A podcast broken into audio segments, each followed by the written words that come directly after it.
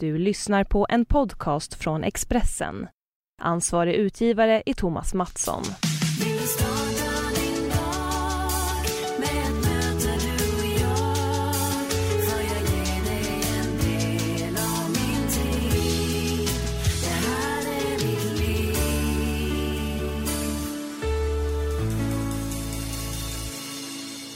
Varmt välkommen till Livshjulet med mig Anna Hegerstrand och avsnitt 185. Vi har kommit en bit in i december och jag hoppas att du som lyssnar kan se fram emot lite välförtjänt julledighet. Även om julhelgen ju i år inte är den bästa för extra lediga dagar. Och för mig som är min egen lyckas smed rullar livshjulet på som vanligt varje onsdag. Och bland de gäster vars livshjul du kan höra i programmet kommande veckor är bland annat Tommy Nilsson och Lia Boysen. Ja, och så gör jag en återblick med min tidigare gäst Josefin Crafoord. Veckans gäst, det är en kille som jag har lärt känna lite de senaste månaderna. Han är precis som jag podcastprogramledare och han har nått stora framgångar med sin podd Nemo möter. Det är alltså Nemo Hedén som gästar veckans avsnitt. Och många känner igen honom från dokusåpan Kungarna i Tylösand där han var med för sju år sedan. Och efter sin medverkan trillade Nemo in i ett destruktivt beteende med bland annat missbruk av alkohol och droger. Idag är han nykter och drogfri sedan över ett år tillbaka. Karriären går bra och i maj blir han pappa. Och mer om detta och mycket mer alldeles strax. Mig hittar du på Instagram där jag heter Anna Hegerstrand och så har Livshjulet en Facebook-sida och där blir jag jätteglad om du kikar in och skriver något kul. Du kan önska en gäst eller kanske lämna lite feedback på något du gillar eller ogillar.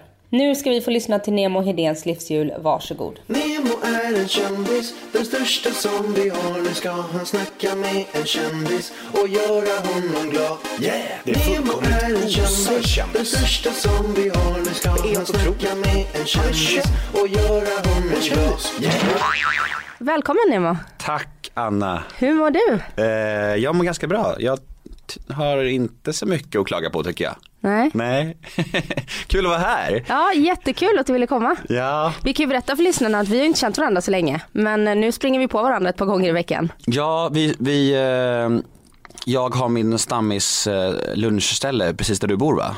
Salladsbaren vid eh, Hornsgatan. Mm, jag gick förbi dig igår, kom jag Aha, på. Men jag ja. gick inte in och sa hej för min unge skrek i vagnen. Men vi hälsar in varannan dag nu nästan. Ja. Men nu är det ofta. Ja, du är, men du bor ju inte i mina kvarter. Varför är det där så mycket? Jag, jag är en södermänniska och eh, jag håller mig väldigt mycket eh, mellan Mariatorget och Skanstull. Det är typ de, de, de områden jag håller mig. När, jag vet inte, när jag förbereder saker eller går på möten och så här. Och, jag har allt det där liksom, min innebandy, allt, allt är samlat där. Men, men också, det är som born and raised på Södermalm så det, det, jag är väldigt trivs där. Och den där, och den där salladsbaren, det är så här, jag är där nästan varje dag. Ska vi göra ett lite reklam för Tonys salladsbar? Verkligen, jag tycker det är väldigt, väldigt bra. Eh, Och det är fräscht och du äter det själv så det är väldigt, väldigt, väldigt trevliga också. Det, man får komponera sin egen sallad så ja. Mm, och du tar ju alltid samma sak. För när vi var där och lunchade så kom ju han fram med en färdig tallrik till dig och bara, Jag här vet, Nemo. jag vet, varje gång jag kommer dit med en ny människa så kommer alltid någon, jag känner, mig så jäkla vippig då för då kommer någon så här, bara, här har du, det, det, det, det är en vanliga eller? Jag bara, mm det är en vanliga. Ja. Vad är det? Det är väl tomatgurka, sallad, morot, rödlök, kyckling, hummus eh, och eh, broccoli tror jag. Ja. Mm. Men du går, jag har ju sett på Instagram att du går på någon, eh, inte diet gör du inte, men du försöker komma i form. Ja, jag, eh, det var väl någon som, det var en, en PT som är lite halvbekant som hörde av sig för några månader sedan och, och sa så här, hörru, skulle inte du vilja att din Skulle inte Mage du- försvann. ja precis, bara vill att din mage försvinner. Jag bara, ja vilken bra idé, har du något knep? Nej men hon sa, hon la fram det så fint, hon sa, skulle inte du vilja att din eh, nya sunda insida fick en sund matchande utsida? Tycker jag var fint, ja verkligen. Och för hon menar väl på att jag har blivit så här nykter och drogfri och ändrat mitt liv och att hon undrar om jag Mm. jag inte ville även få en så här snygg schysst kropp. Och när hon sa det så, jag bara jo visst. Så ville hon hjälpa mig så hon sydde ihop ett kostschema till mig och så tränade jag några, några gånger i veckan och så här. Och det, det, jag gick ner 10 kilo på, på tre månader. Nu har jag börjat slarva, ska, ska, bör tilläggas. Men det har varit så jävla mycket senaste veckorna det är så svårt att få ihop allting. Men jag, Så det är så här svårt att hålla, så, vad, vad ska man säga, fokus och skärpa i, i alla aspekter. Jag måste liksom så här Ja, det här är bara dålig ursäkt kan jag säga. Men, men jag, jag, jag märker hur bra jag mår när jag tränar, alltså när man går ner i vikt. Man, man känner sig så snygg och pigg och glad. Och så fort jag börjar svulla igen så känner jag mig så här trött och ledsen och deppig igen. Liksom, så, här. så jag ska hitta tillbaka, det, det är målet. Men jag har fortfarande gått ner ganska mycket. Men är du, eller är du, det, det här är nästan ett påstående mer, du är ju en allt eller inget människa. Jaha, gud. Ja, så att nu är det jag tycker det är lite sorgligt att det ska vara så extremt. Jag märkte, jag märkte det att jag, höll, jag gick ner 10 kilo på tre månader. Sen så var jag och eh, min eh, tjej då i eh, på, var Mallis var vi. Och så, och så tänkte jag så här, nu, nu är Mallis i fyra dagar, nu ska, jag dit, nu ska jag dit och där får jag äta. Tänkte jag så här, nu ska jag gå dit och, och så åt vi skaldjur där och, och hade det gött liksom. Så kom jag hem därifrån och jag kunde inte slå tillbaka. Jag bara körde på. Och jag bara shit vad är det för fel, varför ska det vara så här? Men det är liksom, det är för mig det beroendesjukdomen i ett nötskal liksom. Det handlar inte om, det handlar inte om om det är alkohol, droger, mat. Det handlar om liksom att det sitter i mig. Det sitter i personligheten, inte i substansen eller i vad det är för någonting. Liksom. Mm, jag kan verkligen relatera till det. Jag är ju Ja. gammal anorektiker så att just matproblematiken. Ja. Men jag har aldrig hållit på med alkohol eller droger. Men det är Good, ju lätt. good for you. Ja, väldigt good for me. Och det är faktiskt av den anledningen. Det är inte så att jag inte har varit sugen på att testa droger. Men jag skulle aldrig våga för jag vet att jag skulle bli fast. Mm. Ja, men det- Spel skulle aldrig heller. Skulle Nej. bli fast. Jag känner det där, så fort jag står vid en jävla så här blackjack eller vad som helst, det är bara så här, det bara suger igång och man bara shit, alltså, det är verkligen så här, man ska vara jävligt försiktig om man är en sån här kickmänniska eller så här tomrumsmänniska som jag kallar det. Och eh, du har ju slutat med alkohol och droger. Mm, Det har jag gjort. Jag, min nykterhetsdag är eh, 17 augusti 2015. Ja. Så det är, på lördag är det 16 månader. Helt nykter och drogfri. Och det är länge nu. Och inga återfall. Nej, inga alls. Jag kan inte säga att jag varit så nära heller. Eh, det var jobbigt första månaderna såklart och det är ju en stor omställning men ju längre tid man har och så länge man liksom Alltså så länge man har saker i livet som gynnas av sin nykterhet, förstår du vad jag menar? Nu har jag liksom så här innebandyn och podden och föreläsningarna, saker som mår bra av min nykterhet. Då är det väldigt lätt att motivera sig för, för det. Och jag ska liksom, mycket saker som händer som är positivt och det kombinerat med att jag, jag lever ju i ett tolvstegsprogram liksom. Och jag ständigt påminns om, där, i de rummen så, så påminns jag ju ständigt om hur det var. Jag ser ju nykomlingar komma in, jag ser ju på dem så här, shit så där, där, var, där var ju jag. Så jag påminns ju nästan varje dag om, om hur dåligt jag mådde liksom. Eh, mötena, liksom din grundpelare, något du håller fast i. Ja, gud ja. Jag går på möten nästan varje dag fortfarande. Och det är av två anledningar. Ett, för att jag vill påminna mig själv om hur illa det var. Två, för att föra det vidare som jag har fått. Den här nykterheten, hjälpa Just det, man delar, ja. man hjälper, man hjälper andra. När, när man har gjort 12-stegsprogrammet, när man är klar med det, då hjälper man andra. Det är så det funkar. Det är ganska fiffigt uppbyggt. Så de som har tillfrisknat hjälper nykomlingar och så. Mm. Jag har faktiskt varit på ett sånt möte för, som anhörig. Mm. Har jag. Så att jag vet eh, hur det går till. Jag har varit med en gång. Men eh, är du troende? Nej, jag, eh, alltså är ju... 12-stegsprogrammet är andligt, inte religiöst. Det är det, så många, många blandar ju ihop det där liksom. Eh, Jag, är, jag tror ju på att eh, så här, när jag kom till gemenskapen så såg jag att det var människor där inne som hade lyckats med någonting som inte jag hade lyckats med. Att de hade lyckats ordna upp sina liv, de mådde bra på riktigt liksom, hade, hade det här som jag inte lyckats med. Och då trodde jag på att det, det var min lösning, och det är min tro. Gemenskapen är min tro liksom. På att, eh, att de lyckas med någonting som jag lyckas med, där har jag min tro liksom. För att jag lyckas inte med det själv, alltså finns det någonting som är starkare än mig. De. Liksom. Sen så behöver det inte handla om att, åh en gubbe i himlen eller vad som helst. Många tror ju det, bara, åh men hej och hå, det ska vara Gud och så här. Men det handlar om att tro på någonting som är större än sig själv. Och för mig är det gemenskapen. För det är rätt tydligt att där inne finns det en kraft som inte jag hade själv. Så. Ja. Och hur länge kommer du fortsätta? Kom, känns det som att du kommer fortsätta livet ut? Eller hur, vad är din plan liksom? Oj, jag hoppas det. Alltså jag, jag, jag, jag, jag vet ju inte liksom. Jag har ingen aning om hur min framtid ser ut. Men det, det, jag kommer ju fortsätta. Min mål och min ambition är ju att vara nykter och drogfri livet ut. Det vill jag. Jag mår ju så mycket bättre nu och allt funkar ju liksom. Och det, det har ju varit så mycket gegga och lögner och, och svek och, så här. Och trasiga relationer och, all, och när allting ordnas upp. Det är så här. Varför skulle jag liksom Folk brukar fråga mig det så här, ah, men saknar du inte att ta en öl och hej och hå så här. Jo kanske absolut, någon gång ibland kan jag känna, inte ofta men jag kan känna så här, fan det vore gott med en öl. Men samtidigt, är det en risk villig att ta? Att, att prova att ta en öl och så kanske jag tar flera stycken och så tar jag droger och så hamnar jag exakt där igen. Är det så viktigt för mig att prova att ta en öl, att jag vill riskera allting jag har byggt upp nu? Alltså det är inte så viktigt för mig. Jag har ju liksom gjort det där så himla mycket. Just det här alkohol, droger och festa och flänga runt sådär. Jag har gjort det jätte- jättemycket och det för mig är det inte så viktigt att, att kunna ta en öl, prova att ta en öl. Det är ingen risk jag är villig att ta för jag har för mycket att förlora nu. Liksom. Och vad, du är ju känd från allra första början. För, för de här lyssnarna då som eh, inte lyssnar på din podd som du ju är aktuell med nu, Nemo möter en vän. Eh, för de som inte har hört den, eh, gå in och lyssna. För jag hittade till den genom eh, Expressens chefredaktör Thomas Mattsson då när han var med. Och nu lyssnar jag på många av dina avsnitt. Så många jag hinner då som småbarnsmamma. Ja, Men ehm, från allra första början så var det ju kungen av Tylösand. du, jag måste bara säga, du sa ju det också. Det var det du sa när, när vi- såg på lunchcaféet. Du kom in där och bara, jag måste bara hylla podden. Ja. Du sprang fram till mig, jag bara, Det var oj. på Tonys vi träffade. Ja, och jag visste ju vem du var för att, eller jag hade bekant ansikte för jag hade ju hört Alex avsnitt hos dig. Mm. Ja. Alltså jag bara, jag bara, ah, men, ah, det är hon, hon, hon livshjulet tjejen så jag bara, mm, jag blev så smickrad. Ja bara, och så ah. här var det från början att jag gick in och kollade för jag var nyfiken på det stället och så ehm, gjorde de sig redo liksom att ta min beställning och sa nej men jag vill bara kolla för jag kanske vill beställa mat härifrån sen. Mm. Och, och så var jag på väg ut för min kille stod utanför med vagnen och då ropade du så här, eh, ja kul för dig eller typ så här, ni bor granna, ni är grannar med mig sa jag till dem och då ropade du, ja kul för dig.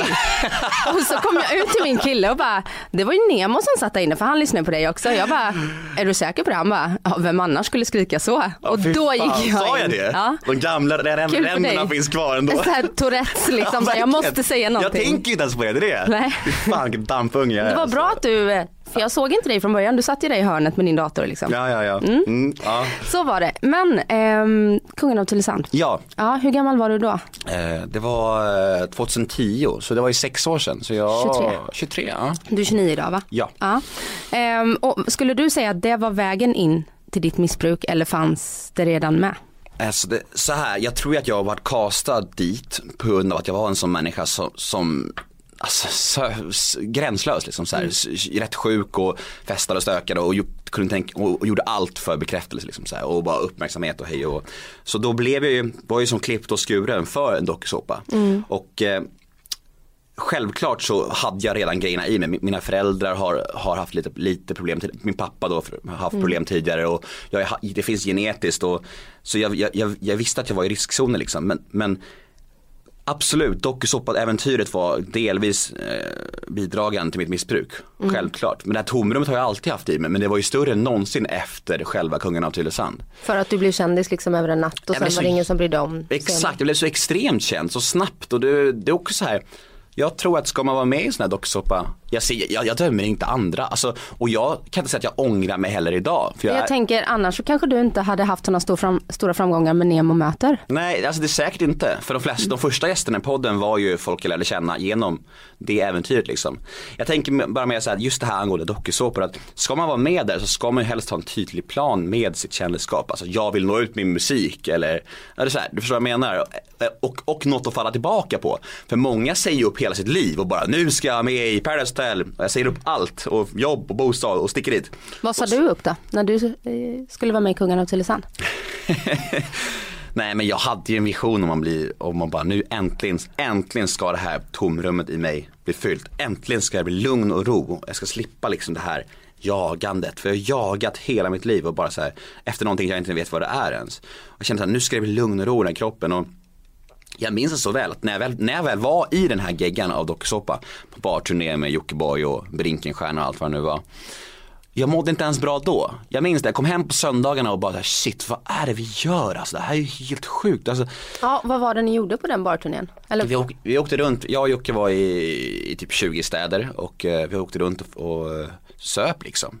Alltså det var som apor i bur, vi, vi, vi kunde ju ingenting, vi hade ingen talang liksom. Så vi, vi stod på en scen och skrek typ.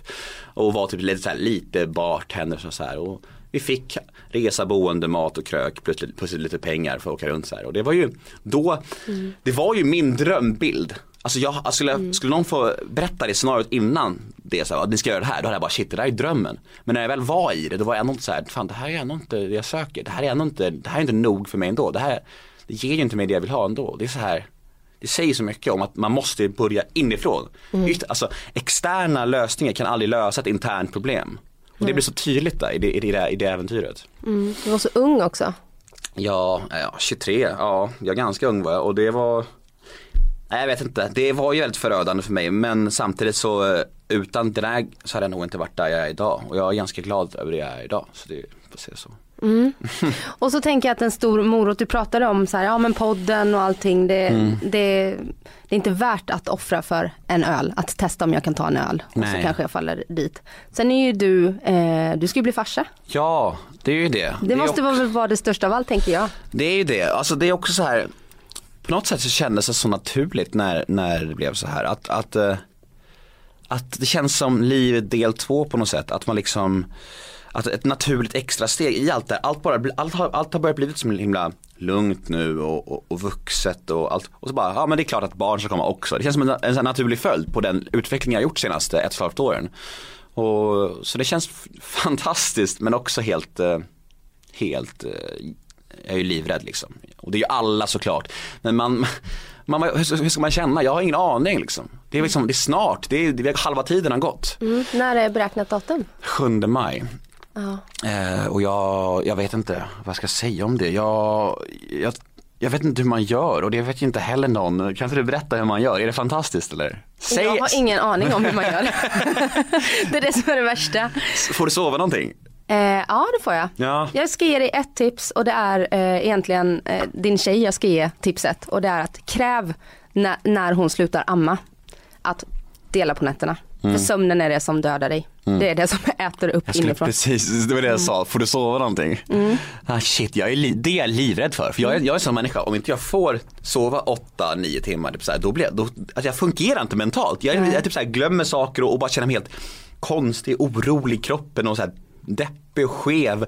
Så jag blir så här, fan ska jag bli väckt nu 200 gånger per natt? Hur ska jag klara det här? Jag, det är bara att börja vänja sig, jag har inte mycket val. Nej.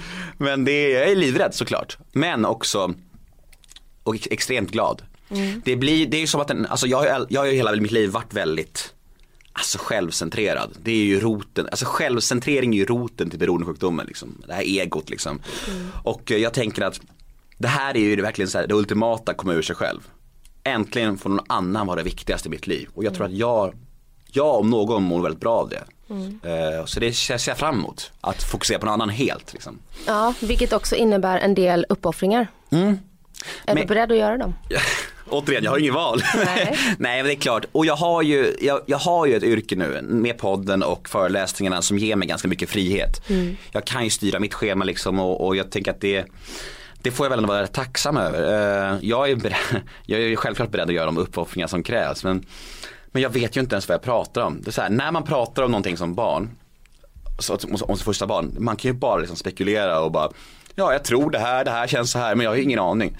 Jag, jag hoppas jag är redo, jag hoppas det blir bra men jag är ju livrädd liksom. Verkligen och det, jag vill ju bara jag är ju så flängig liksom i min person, jag kan ju lite grå i mun och kan säga så här, jag, vill, jag måste ju tänka på allt sånt nu.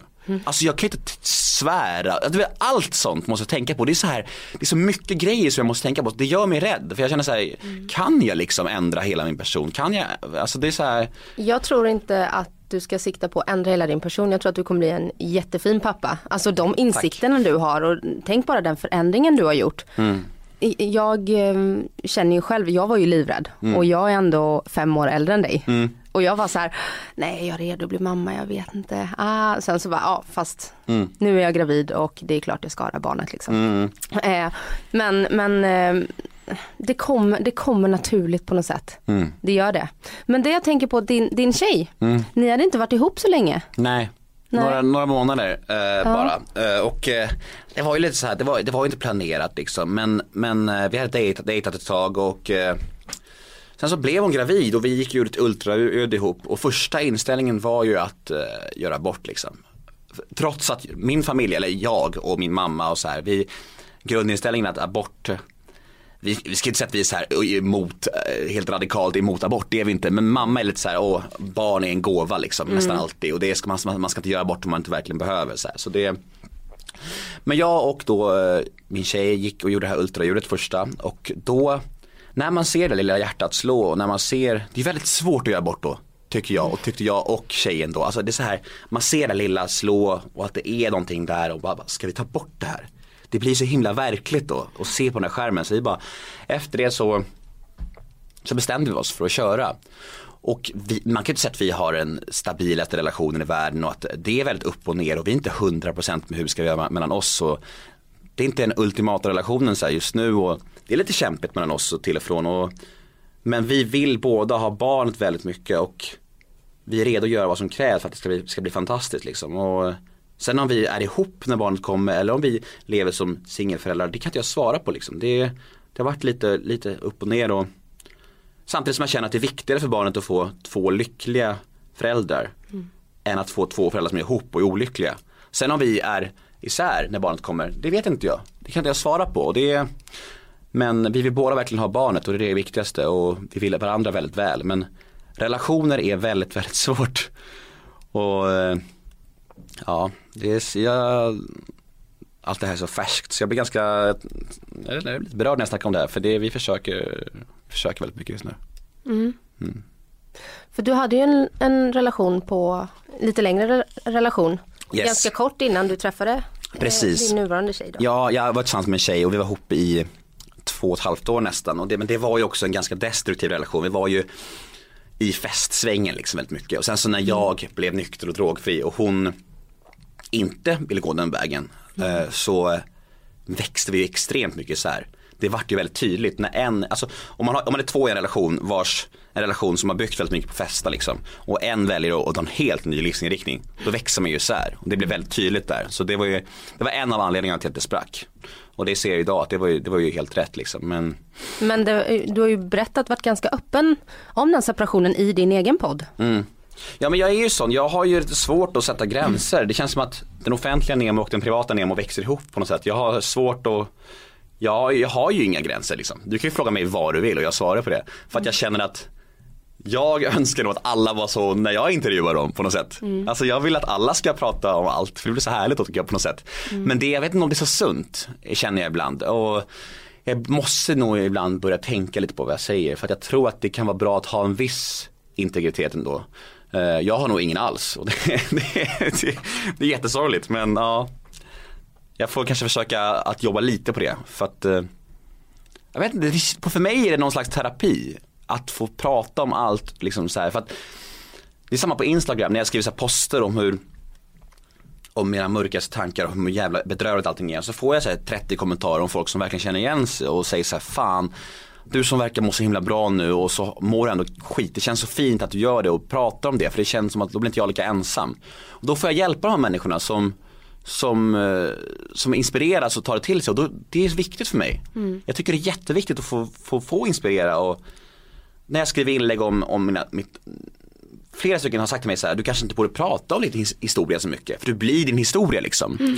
Men när jag känner att när jag har postat inlägg om mitt missbruk, mitt tidigare kaos och så lägger ut på Instagram och så skriver flera till mig så här, fan alltså det, dina historier har fått mig att ta tag i mina problem och sådana grejer. Alltså det är, vär, det är mer värt för mig än allting liksom. Mm. Det, jag tycker det är så fint att få den chansen att mitt kaos och mitt förflutna det kan äntligen komma till användning liksom. Mm. Allt det här som jag har skämts över och, och, och hatat, liksom, all den här skulden och skammen med, med ett kaosliv liksom. Nu kan jag äntligen få prata om allting och jag får det får bli ett verktyg att inspirera och motivera människor istället för att gå runt och skämmas över. Mm. Det är skitfett för mig liksom. Och sen om det är så sunt för mig som människa, det vet jag inte. Men det, tydligen så hjälper det andra människor och det tycker jag är jätte, jättestort och fint. Ja och sen kan det ju vara så här att nu, det är ändå inte så jättelänge sedan du blev nykter. Det är inte ens ett och ett halvt år sedan. Nej. Det är inte så konstigt att du har ett jätteenormt behov av att prata om det här. Ja, du är ju så nära det. Mm. Det är samma sak när jag blev gick i behandling för mina ätstörningar när jag var 24. Eh, det är tio år sedan. I början där jag ville gå med i Riksföreningen mot ätstörningar och föreläsa och, och liksom skriva i deras tidning och sådär. Det kändes jätteviktigt för mig att få prata mm. mycket om det. Idag känns det inte så viktigt för mig. Det kanske, Idag, kommer, det kanske kommer gå över med Ja precis, idag så har jag ju gått vi eller mm. kommit så mycket längre ifrån det. Liksom. Mm. Du har, säkert, du har säkert rätt, det kanske bara är en period att man känner att man måste bearbeta det liksom. Totalt. Ja, och jag menar de här föreläsningarna du har. Jag tror att det kan hjälpa väldigt många, vi lever ju i den här Paradise Hotel tiden. Mm. Där ungdomar ser att jag kan bli den nästa Samir mm. med 500 000 följare på Instagram och så ser de bara hur han är ute med massa tjejer och reser till Los Angeles och får vara med i Melodifestivalen. Det är väl inte så konstigt att man eh, sätter på någon i tv om man får den möjligheten då kanske. Nej, om man är och 18 jag säger år. faktiskt den meningen exakt i föreläsningen. Jag säger så alla blir inte Samir Badran. Nej. Nej, För det är viktigt- en som blev Samir Ja, Badran. Mm. precis. Det är väl, om man tänker på hur många dokusåpor som har gått och hur, liksom, och hur många, alltså det finns ju så många olika varianter och så många säsonger. Om man tänker på hur många det är och hur många sökande till det. Och så tänker man hur få människor som har blivit kända på dokusåpor och lever på det idag liksom. Det är typ Mm. en handfull max. På typ så här 15 års dokusåpor. Mm. Så det är ja, och ganska många som har gått lite sämre för. Mm. Så det, men, det, men det pratas inte så mycket om. Nej, Nej. Så jag försöker belysa riskerna, jag försöker belysa liksom det och, och, och av reaktionerna att döma så har det varit väldigt eh, uppskattat liksom. Och, alltså ungdomarna är ju knäpptysta just för att det är ett ämne som de är intresserade av. Alltså lärarna säger så här, de bara shit alltså hur fan lyckas du få de här att hålla käften? De här håller aldrig käften. Nej. Jag tänkte så här innan, så här, mardrömmen hade ju varit om alla ungdomar satt med mobilen i handen men ingen gör det. Alla lyssnar och är väldigt så här och blir berörda och väldigt, väldigt, väldigt mycket frågor och, och känner igen sig i det här tomrummet som jag pratar mycket om. Jag kommer ihåg i Göteborg så var det en kille som kom fram efter, han bara Alltså Nemo, om man har det här tomrummet i sig som du pratade om, måste man börja knarka då? Jag bara, nej det måste man inte, men man bör vara extra försiktig. Ja, man, det tomrummet ska ju fyllas Ja. med någonting idag. Med någonting, så är det ju. Och det är snabba kickar, snabba lösningar, bekräftelse, likes, kändisskap, sex, alkohol, droger, mat, allt. Mm. Vad vi än kan liksom använda för att fylla det, gör vi liksom. Mm. Och det hjälper i stunden och i långa loppet blir det oftast bara värre liksom. När du känner av ditt tomrum idag, vad fyller du det med då? Ja, Jag försöker, jag försöker gå på ett möte, hjälpa andra. Det effektivaste sättet är nog eh, 12-stegsprogrammet. Det är nog det. För där, liksom, det blir väl, där får jag den här perspektivet av att se hur långt jag ändå kommit och, och att få chansen att hjälpa andra. Det, och även de här intressena som man har. Man får, man försöka, det, är så, det är så lätt att säga så här, hitta intressen. Det är inte så jävla lätt liksom. Man får ju försöka hitta utlopp för det här. För många av oss, alltså som är de här människorna som är väldigt så här flänga och, och tomrumsmänniskor är väldigt, också väldigt energifulla. Vi är lite dampiga, vi vill ha ADHD och då har väldigt mycket energi och man hittar andra saker att lägga den här energin på. För vad det nu kan vara, jag vet inte, jag har ju innebandyn till exempel och men jag har ju det här tomrummet fortfarande liksom. Jag kan inte säga, det är bara det att jag agerar inte på samma sätt längre. Jag har lärt mig lite mer om det och jag, och jag får chansen att jobba med andra. Det blir som att den här impulsiva känslan om att nu löser det här alkohol och droger, nu löser det här med att sticka till eh, Magaluf. Det är inte samma sak längre. Men tomrummet finns ju delvis kvar. Det är mindre än någonsin men det finns ju kvar. Jag har fortfarande ett behov av att höras, synas, bekräftelse. Fråga min tjej till exempel. Liksom. Alltså hon, hon tycker jag eh, vill ha lite väl mycket uppskattning. Ja, det, det var faktiskt min nästa fråga. Hur tror du det är att leva med? Ja shit alltså. Nej men alltså jag vet inte, det beror på hur, hur balans jag är rent andligt om man säger så. Eh, Men eh, jag är nog, jag är väldigt generös. Jag skämmer väldigt bort mina mina tjejer, hur låter det bara så här? Mina, alla mina tjejer skämmer jag bort. Nej men mina flickvänner skämmer jag bort mycket så här. Och, men jag, ibland så undrar jag om jag gör det för att jag verkligen vill eller för att få Skämmer bort med saker eller med kärlek eller vad? Bra fråga. Eh, nej men alltså resor och saker och så här. Och, men ibland undrar jag om jag gör det av rätt anledning. Om jag gör det för att jag verkligen vill eller för att få uppskattning. Du vet. Det är så jävla jag kan vara väldigt självkritisk liksom. Jag, jag hoppas jag gör det av rätt anledning men jag vet ju inte det liksom. Och, eh, jag försöker vara kärleksfull men jag är nog väldigt krävande också. Jag vill ha bekräftelse och kärlek och jag vill ju ha saker tillbaka också gärna, helst. Och jag vet inte, osäker och ängslig och jag har svårt att lita på att tjejen verkligen vill vara med mig. Jag blir svartsjuk och jag, jag, eftersom att jag är uppvuxen i en ganska dysfunktionell familj. Alltså hela, första åren i mitt liv så fick jag liksom inte så mycket eh, så här, det, här, det här är något jag ältar ganska mycket, jag ska inte göra något mer egentligen. Men det var ganska, mina föräldrar var ganska frånvarande och det skapade, de gav inte mig den här, den här självkänslan som varje barn bör få. Jag går en relationskurs just nu där vi pratar mycket om det här. Där, där de första tre åren i livet hos ett barn, då behöver barnen all kärlek och trygghet av sina båda föräldrar. Får man inte det, då, blir, då får man ingen stabil självkänsla liksom. Och den här bristen på självkänsla är ju så tydlig för mig i relationer. För att jag kan inte lita på att en tjej vill vara med mig. Jag tror alltid att hon ska gå till nästa, hitta någon bättre. Och då blir jag så här kontrollerande och svartsjuk och ängslig. Och, Du, du kan inte ta hennes kärlek för given. nej, jag, jag kan inte lita på att, att, eh, att, eh, jag är tillräcklig, att jag duger liksom. Det är inte så konstigt. Nej, det är inte det. Med facit i hand såklart. Men det är så här, jag har väldigt gott självförtroende. Är så här, i, i yrkesmässigt och poddande och innebandy och så här, i saker jag gör. Vet jag att jag är bra på liksom. Men självkänslan, vad jag tycker om mig själv, det är liksom så här, den är obefintlig och jag vet inte riktigt vad jag ska göra åt det. Det, det är det. Jag försöker jobba med det men det är så lättare sagt än gjort. Jag vet inte. För det, jag tror att jag blir väldigt krävande att leva med liksom. Det, det, jag har svårt att slappna av i relation och bara vara, tillåta mig själv att må bra. För ibland känns det som att jag nästan förstör mina relationer rent tvångsmässigt för att jag inte tycker att jag förtjänar det. Eller för att jag ska göra det före hon lämnar mig. Så kanske jag förstör innan hon lämnar mig. Sådana här, så här teser jag har, jag har ingen aning. Men jag är nog knepig i relationer, helt klart. Terapi, det är det, det jag tänker. Ja, verkligen. Men det, jag går som sagt en relationskurs just nu eh, och den är jättebra men det är ju väldigt jobbiga saker för allt det här, allt det jag pratar om, det, det kopplas ju till barndomen liksom. Det, det beror ju på saker. Det är, och eh, ja, det är mycket som eh, återkommer i mina relationer och beteenden och så här och det är, det är jobbigt att se men jag tror att det är väldigt sunt för att eh, då får jag chansen att jobba med det och jag vill ju liksom utvecklas. Det är det, det, är det viktigaste i mitt liv. Jag vill bli den bästa versionen av Nemo Hedén som jag kan liksom. Och den här relationskursen tänker jag att du kan ha nytta av nu när du ska bli pappa själv. Om man tänker de första tre åren då Ja, gud ja. gäller det att verkligen vara på tå. Ja men precis, vi snackar mycket om så här anknytning och, och, och så hur man ska vara och vad, som, vad, vad är viktigast för barnen är i början och det är väldigt så här saker, ögonöppnare och mycket igenkänning och så här och jag, jag har ju ingen tydlig plan med hur jag vill vara nu och jag vet inte, jag vill ju verkligen ge mitt barn det som jag inte fick. Alltså jag fick en uppväxt som var ganska dysfunktionell och ganska mycket alkohol och droger kring oss och ganska, ganska ja, ostabil kan jag säga. Eh, mina föräldrar är exemplariska idag sedan många år, det är de verkligen. Men uppväxten var ganska kaosig liksom. Och eh, att jag och, och min tjej får chansen att ge vårt barn eh, det som vi inte fick liksom. Det, det, är den, det är den finaste känslan i hela världen. Det är det viktigaste också för mig just nu. Så det känns häftigt. Har du pratat med dina föräldrar om eh, din uppväxt? Ja, det har vi. Och eftersom, eftersom mina föräldrar båda eh, är väldigt så här, eh, jag är som sagt exemplarisk skulle säga, de är väldigt bra föräldrar idag, sedan många år tillbaka så, så, så är vi ganska öppen i, vår, i våra i vårt prat om allting. De är ju såna enorma stöd idag och eh, de är också okej med att jag föreläser liksom, så, om mitt liv. För att det är ju min historia liksom. Det kan ingen ta ifrån mig och det är saker som har präglat mig så himla hårt så då måste jag få prata om det om jag vill liksom. De gjorde så gott de kunde under min uppväxt men de kanske inte mådde så bra liksom. Det får man ändå tänka på. Det var inte så att de gjorde en ostabil uppväxt för att de ville vara elaka. De kanske inte var förmögna att göra bättre liksom och det får man ändå tänka på. Så eh, vi har en superrelation idag och de är väldigt, väldigt öppna kort med varandra liksom. Och de är, jag betraktar både min pappa och min mamma som två av mina bästa vänner liksom. Så det är fint. Och så bor du tillsammans med din syster. Ja, Ja, jag bor tillsammans med min syster.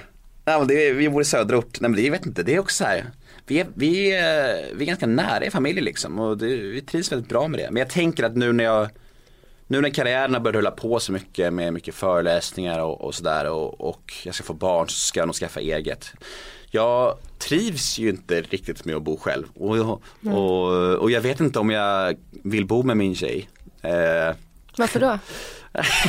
alltså i rent eh, liten familjesyfte så är det jättebra och det är ultimata såklart. Men jag vet inte om vår relation klarar det bara. För eftersom att den är lite så här, den är inte så stabil just nu. Och eh, vår dröm, både min och, eh, min tjejs dröm, jag säger min tjej fast jag inte vet, inte vet vad, vi är, vad vi är just nu, men eh, jag säger det ändå.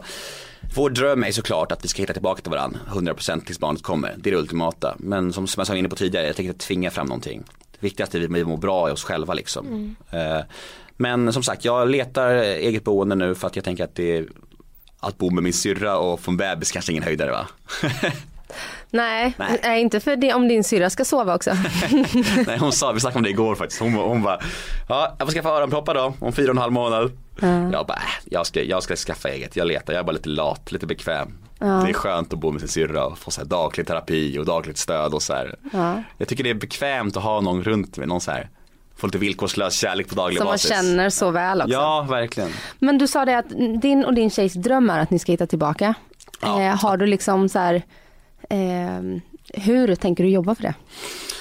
Jag tänker ju verkligen eh, ta de sista veckorna av den här relationskursen på största allvar. Eh, Går ni den tillsammans då? Nej, jag går den själv. Mm. Eh, Eh, Jag tänker ta det på största allvar och försöka liksom hitta roten till mina problem, varför jag har så svårt att bara kunna slappna av och må bra i relation och jobba med de bitarna och sen så Ja men det är ju, när man väntar barn med en människa, man har ju någon sån här fysisk dragningskraft för varandra. För att det är så här, man ska vara ihop på något sätt. Det är så här, det man dras till varandra på något sätt. Och det är, jag märkte det, jag kommer ihåg det så himla starkt när vi var på första ultraljudet. Efter det, när vi gick därifrån. Jag kände hela min kropp, hela mitt väsen bara skrek så här, att du ska ta hand om henne nu. Alltså fysiskt nästan, du ska rå om henne nu. nu ska, se till att hon har det bra hela tiden. Alltså, hon är det viktigaste nu, att hon mår bra, att det här, bebisen mår bra. Det är det viktigaste för dig just nu. Det är, och jag känner så mer och sen så det, det är därför jag gör mig så extra ledsen när jag inte kan göra det 100%. Det är som att jag gör emot vad jag egentligen vill och det är så här, ja, jag vet inte, det är starka krafter liksom. Men jag ska göra allt i min makt för att det ska bli bra. Vi har ju fyra och en halv månad på oss att eh, få till en bra relation och det, ja, är svårt. Jag och min kille började gå i parterapi. Stockholms stad subventionerar ju parterapi. Så det är väldigt billigt att gå om det man får fyra gånger inom ett år. Och sen när det är året slut får man fyra gånger nästa år. Det är ett tips. Var det bra då? Vi ska gå på fredag, vi går fortfarande. Vi hade ju, vi hade ganska stökigt i vår relation innan jag blev gravid också. Sommaren innan jag blev gravid. Sen så när jag blev gravid, då var det som att det var någonting som bara, då blev det jättebra. Alltså vi hade fantastiska åtta månader var det, för jag visste inte att jag var gravid så tidigt. Men sen så kom bebisen och så kom det problemen Var det så? tillbaka. Ah, få ett brev på posten. Ja, exakt.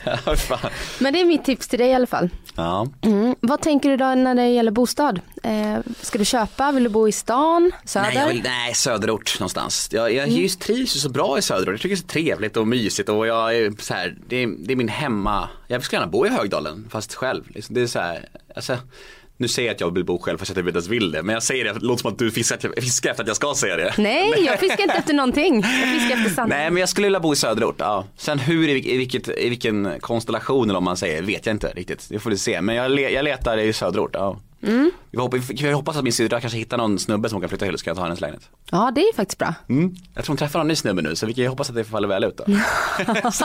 Jävla harlömsk. Ja, precis. Ta hand om min syrra nu, jag behöver den lägenheten. Få barn. Fan. Och karriären då? Ja, ehm, jag vill prata ju om det innan vi sätter på micken här. Det är roligt schema med podden framöver, väldigt kul. Eh, Du har hjälpt mig lite grann, det är en fin, fin människa Anna. Ja, jag är så fin. Nej, jag men- tänker att du ska, jag har ju en, en baktanke med det. Ja, det vet du får det. ju hjälpa mig när jag är i vänt- kris. Jag väntar ju på att få en fråga om gäster från dig, men jag har inte fått den. Så... Grejen är att du har ju otroligt många bra gäster. Du har Ja. ju haft otroligt många bra gäster. Ja, men fråga då om nummer. Du får ju det. Jag hjälper gärna dig också. Ja, men jag ska tänka ut. Tjänster och gentjänster liksom. Ja, exakt. Du har ändå fått Puma Swede av mig liksom. Ja, och Plura. Ja, och Plura. Puma och Plura. Ja. Ja. Eh, nej men det är som sagt, det, schemat för podden ser skitkul ut och jag, jag kör på, tutar, tutar på. Föreläsningarna, jag kör nästa föreläsning den 4 januari i Krokom. Var ligger det? Krokom ligger utanför Östersund i Norrland. Det blir på så här vit jul, eh, nykterhetsorganisation för ungdomar och så här. Och sen så kör jag 15 januari i Västerås tror jag. Och sen tutar det på någon gång varannan vecka framöver. Eh, ja det är väl det, sen kör jag relationskursen, sen kör jag innebandyn och sen så laddar jag för att bli pappa liksom. Det är väl de grejerna som jag har. Men det som du tjänar pengar på det är föreläsningar och Nemo-möten. Ja, det är de två grejerna. Ja. Sen så det, det, är ju, alltså det är ju inte så jäkla stabilt. Så här, liksom. alltså det kommer komma en dag där kändisarna är slut och att föreläsningar inte är aktuella längre. Jag tänker mycket på det och man bör ju ha en tydlig plan med vad man vill livet och, och så här, riktigt jobb. Tjatar alltid om äldre människorna om. Min mormor brukar säga det. Ska du inte bli polis? Det är typ så här. Du vet, man, man, men jag vet inte. Jag, jag har tillit till att det blir bra liksom. Så länge jag fortsätter göra rätt saker och försöker vara bra liksom, så här, som, som jag är nu tycker jag. Och är nykter och drogfri så tror jag att det kommer bli, dyka upp mer bra saker liksom. Men det är de två sakerna som jag får in pengar på just nu, ja. Mm. Sen gör jag mycket alltså jag, jag gjorde en, he- en hel, helt gratis föreläsning häromdagen på, på en skola för att jag liksom vill också. För jag, jag anser att det är viktigt att mitt budskap och min historia kommer ut än att jag tjänar pengar på det. Det blir konstigt tycker jag. Så om det, det var en skola som hörde av sig och då åkte jag dit och gjorde en liksom grej för att för att som sagt, det är, liksom, det, det är en historia som jag tycker att ungdomar bör höra. Eh, och det är viktigt att eh, ungdomarna får höra den än att jag får in pengar på det. Så det gör jag också, gratis grejer såklart. Plus att föreläsningen är väl ganska ny va? Det är ett bra Ja. sätt för dig att träna. Ja, det är det ju. Det är inte det lättaste att ställa sig och hålla en föreläsning. Nej shit, jag var ju så jävla nervös innan det. Alltså jag var skakade. Men sen så också så tänkte jag så här. att det är min historia liksom. Jag kan inte göra min historia fel. Alltså jag är den som vet hur, hur det har gått till. Det hade varit jobbigare om det var ett manus som jag skulle följa. Nu är det så här, nu berättar jag min historia och försöker få med de viktigaste grejerna liksom. Då, då är det inte hela världen om det inte blir exakt samma sak varje, varje gång. Liksom. Så det är ganska, för mig är det det, det kändes lite mer avslappnande när man tänker så att det är svårt att göra sin historia fel liksom. Men klart, klart, klart, klart nervöst. Värsta känslan är så här om man bara kör igång och folk bara så här, kollar i telefonen eller går därifrån eller börjar chattra så här. Men lyckligtvis så har det varit väldigt bra skärpa och fokus bland kidsen så det känns otroligt skönt. Mm, och du ligger på Mia Törnbloms sida. Mm. Ja, ligger- Känner du Mia? Ja, jag har haft Mia i podden. Ja. Och hon är ju också nykter och drogfri sedan många år. Eh, Och väldigt framgångsrik. väldigt, väldigt framgångsrik. På grund av alltså. sin historia. Ja, precis. Det kan man säga. Så ja, har, alltså, kanske innerst inne har man väl en liten dröm och ambition att gå henne i spåren på något sätt. Hon, hon har hjälpt mig med, med, med föreläsningar lite grann och så här med, med frågeställningar och sånt där. Och hon är väldigt, väldigt snäll och, och hjälper mig gratis liksom. För att hon vill hjälpa mig. Och det är också, hon är ju hon, jag tror att den blir så här, man vill hjälpa andra när man har fått sitt liv tillbaka. Det är så naturligt med den här nykter och drogfri grejen. Alltså man vill så gärna hjälpa andra och, och det är väl både min och Mias mål liksom. Sen så, tror jag. Och jag, ja, hon är underbar tycker jag. Så jag, jag är väldigt tacksam att hon tog mig under sina vingar. Ja, ja, hon är fin. Hur gick det till när du startade Nemo möter? Varför startade du podden? Nej men alltså det var väl en, två och ett halvt år sedan ungefär och, och eh, jag hade väl hört talas om den här poddmedien liksom. Jag tror att eh, Alex och Sigge hade varit på kanske ett år då, ett halvår någonting. Ett år i alla fall. Och eh, Filip Fredrik och jag lyssnar mycket på dem. Och det här med att babbla liksom. Jag gillar att babbla och jag gillar människor väldigt mycket. Och jag gillar kändisar väldigt mycket. Det, är så här, det känns som att det är tabu att gilla kändisar. Jag älskar kändisar. Det är inte så kreddigt att gilla kändisar. Men vem fan, man tjänar ju inte pengar på att vara kreddig kanske. Nej, jag, men alltså, jag fattar inte det där. Det är så här, när jag, jag gjorde en intervju för några, för några veckor sedan, då sa, första frågan var så här, du verkar verkligen älska kändisar. Va, varför gillar du kändisar så mycket? Vad är det här med kändisar? Jag bara, jag vet inte. Jag tycker det är så spännande, eller? Vad, vad folks drivkrafter är att bli kända och varför just de är kända liksom. Och så här. Och det, jag tycker att det är skitspännande med, med människor. Och, Kan det vara att du kan relatera till det eftersom att du har haft en drivkraft och har, upplever jag, Ja. en, en drivkraft att vara känd. Jo men absolut, så är det ju. Och, man, och, och just det här att få chansen att träffa människor och nyansera bilden av dem och, och så här. Och, och vissa människor är exakt som man tror och vissa är verkligen inte alls som man tror. Och jag, jag tyckte väldigt mycket om den här medien att få skapa någonting helt själv. Ingen som tycker någonting. Jag träffar en människa, jag bestämmer vad vi snackar om. Liksom så här, jätteskön frihet liksom. Och, och podden var, jag hade ju podden liksom ett år i mitt eh, kaosliv. Och första året var det inte så bra. Alltså, Jag bara tänker, hur löste du det då? Nej men bara för att jag festade och, och stökade mycket så var det inte så att jag var full och påtänd varje dag liksom. Nej. Det, det bör man ju tillägga, det var inte så. Det var mest att jag, jag var sån här som, i mitt missbruk så var det väldigt så att jag kunde köra ett race tre dagar, sen tre dagar paus.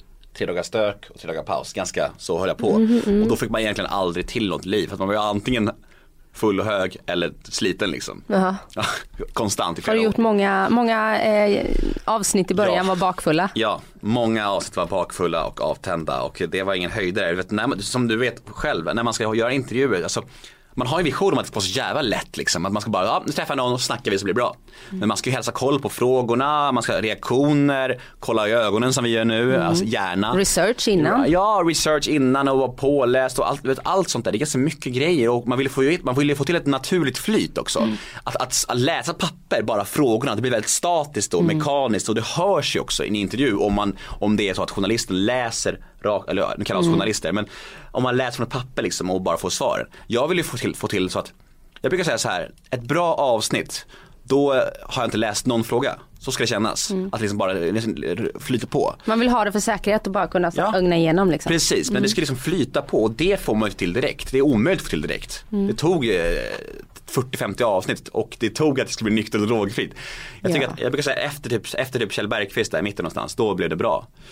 Så- Hör man det som lyssnare tror du? Jag vet inte. Eller är det din Eh, självkritiska sida? ah, jag har faktiskt ingen aning, svårt att svara på. Jag eh, tror man hör skillnad, det borde man göra. Det känns som att jag är mycket lugnare och tryggare i min roll nu än vad jag var i början. Men eh, sen så spelar mycket, gäster mycket roll också. Att, att om gästen vill bjuda upp till dans liksom, det vet ju du.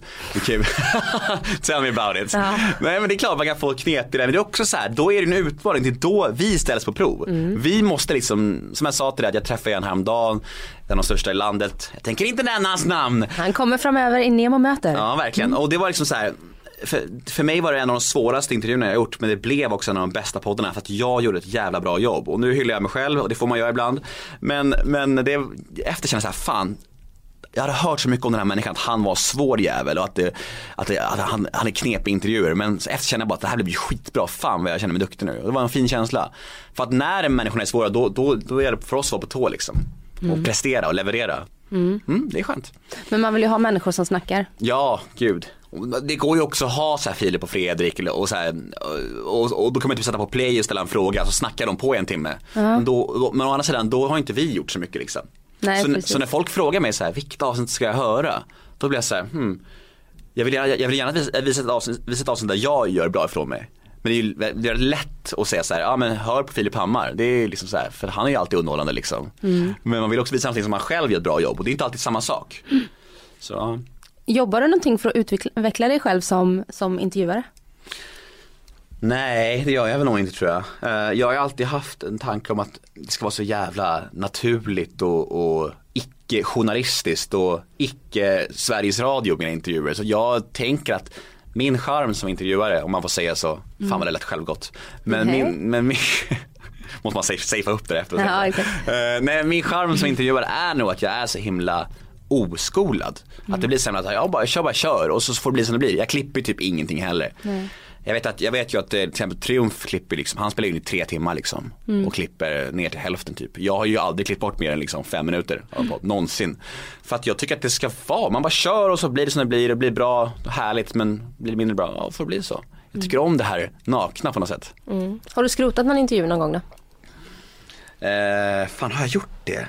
Nej jag tror inte jag har gjort det. Jag, jag har fått spela, å- spela, spela in igen med, med folk. Eh, jo för fan Niklas Strömstedt härom, härom veckan. Det, det, då Ja, var, just det, det då såg var inte Mm. mickkontakter i så det blev glappigt. Fan vad jag skämdes då alltså. Åh, jag skrev till honom och jag bara vi kan sända det ändå. Han bara nej det där kan vi inte sända. Det där, var, det där det låter för hackigt. Så vi gör om det någon dag istället. Så jag bara. Men han bor ju precis vid Tonys. Mm, jag vet, men han är ju också superhärlig så han, han, han kommer ju ställa upp igen liksom. Men det är så här, det kändes lite så här oproffsigt och skamfullt liksom. Sen så har jag liksom, eh, jag har ju, jag har inte skrotat någon intervju som varit hel. Nej, har du gjort det? Mm, nej men jag har fått eh, spela, in, spela om två intervjuer där eh, tekniken har kraschat. Ja, men det har jag också. Jag spelade in med Quetzala Blanco, gjorde jag om. Det var nog min, det var min sjunde intervju, det var precis början. Henne gjorde jag om med. Eh, det, är, också så här, hur fan ska vi göra om, fy fan vad dryg. Man känner bara så här, ska jag ställa samma fråga igen? Jag vet ju svaren nu. Precis och så blir det ju inte naturligt, det känns Nej. ju konstlat. Ja, nej det är ingen, ingen, ingen kul känsla alls alltså. Så nej det vill jag inte göra om. Nej. Och vad ska du, eh, hur ska du göra i jul då? Eh, Det blir nog med familjen. Som sagt, vi, vi, vi är väldigt många syskon. Vi är sex syskon, två föräldrar och vi är ganska tajta i familjen liksom nu idag. Eh, Så vi ska nog fira jul ihop. Jag ska faktiskt anordna en eh, jul för hemlösa. Eh, julaftonsmorgon, Jag gjorde det förra året också. Då ska jag ställa mig i Björns trädgård och eh, dela ut eh, varmkorv, julmust, kaffe, lussebullar och presenter till hemlösa. Och det låter så här också, åh det här gör han bara för, för goodwill. Men samtidigt så här, jag tycker att, jag har gjort det nu, jag gjorde det förra året, jag och mina syskon, det har varit jätteuppskattat och det är också en del av det här att ge vidare liksom. Jag har ju fått förmånen att ordna upp mitt liv liksom och alla har ju inte det. Och då tänker jag att det är, man kan väl göra det man kan liksom. Eftersom att vi inte kommer ha några småbarn kring oss på jula, julafton. Så eh, ska jag, min pappa och några till stå vid Björns trädgård på julaftonsmorgon och eh, försöka göra det vi kan för de hemlösa. Så om ni vill komma förbi så kom förbi och säg hej. Ja. Ja. Och kan man eh, så här, ge några pengar eller någonting? Det finns ett event på Facebook som heter Jul för hemlösa 2.0. Eh, 2.0 heter det för att vi körde ettan förra året då. Nej, men så Nästa år blir 3.0. Ja precis. Nej, men in, in på Facebook och sök på eventet Jul för hemlösa eh, 2.0 och så kan ni attenda där och läsa information om ni vill bidra på något sätt. För det, alla bidrag uppskattas så ja. Julen är en tid för att ge. Och så måste jag fråga, jag vet ju att ni var på ultraljud, du och din tjej igår. Det har jag glömt att fråga om. Jag, Ja. Vi kollade ju upp könet Ja, på vårt rutin ultraljud, fick reda på att det var en liten kille. Ja. Har ni gjort det också? ja. Är du nyfiken nu? Ja. Eh, det blir en liten flicka. En liten flicka, Mm. grattis, Tack. vad kul. Ja, och det känns, eh, jag tror lite så här att alla män i, alla män i världen behöver få en dotter. Att vi mår bra av att få en dotter. För att vi kommer aldrig kunna sätta oss in i perspektivet hur, hur det är att vara en kvinna idag. Förrän vi själva får en dotter liksom. Och jag tänker att det kommer vara skitbra för mig att få en dotter. Eftersom jag har, nu är det bättre idag men jag har ju varit ganska macho och grabbig och så här tidigare i livet liksom. Och även om mycket av det är borta nu hoppas jag så så tror jag att det är otroligt utvecklande att få en dotter liksom så här, och sätta sig, in, sätta sig in i hela den här patriarkatet och Ja. Kommer du berätta för henne om liksom ditt förflutna? För jag tänker att du inte vill att din dotter ska träffa på Nej. en sån kille som du var. Jag har tänkt på det också. Man, man kommer ju säkert bli superöverbeskyddande och försöka varna för alkohol och droger och, och, och jobbiga killar och så här. Men det är så himla tidigt. Det där, alltså att prata om det där är så jävla overkligt. Ja. Fan, det är så långt bort. Men mm. Ja, nej det ska bli fantastiskt kul och en liten tjej liksom. Mm. Som är typ 20 cm lång nu. Ja. Vi har gått halva tiden, eh, så 7 maj så ska det bli beräknat. Det är nice för en sommarbebis tänker jag. Ja. Som går ut med sele på magen på sommaren och i parkerna. Får vi ta barnvagnspromenader? Ja, det är lätt att äta sallad. Ja, ja. från Tonys. Det blir fantastiskt. Ja. Gå till Tonys nu. Ja, men verkligen. Köp en sallad. Och Nemo, tack snälla för att du kom hit och gästade mig. Det var jättekul. Ja, tack för att jag fick komma. Det var underbart härligt. Tycker du nu som podcastprogramledare att jag har skött mig? Ja, verkligen. Jag tycker att det var, jag tycker det var jättehärligt och eh, nej, det var bra flyt. Ja. Vi gjorde ett bra jobb båda två tycker jag. Bra. Mm. Ha det bra nu och god jul. God jul. Hej då. Hej då.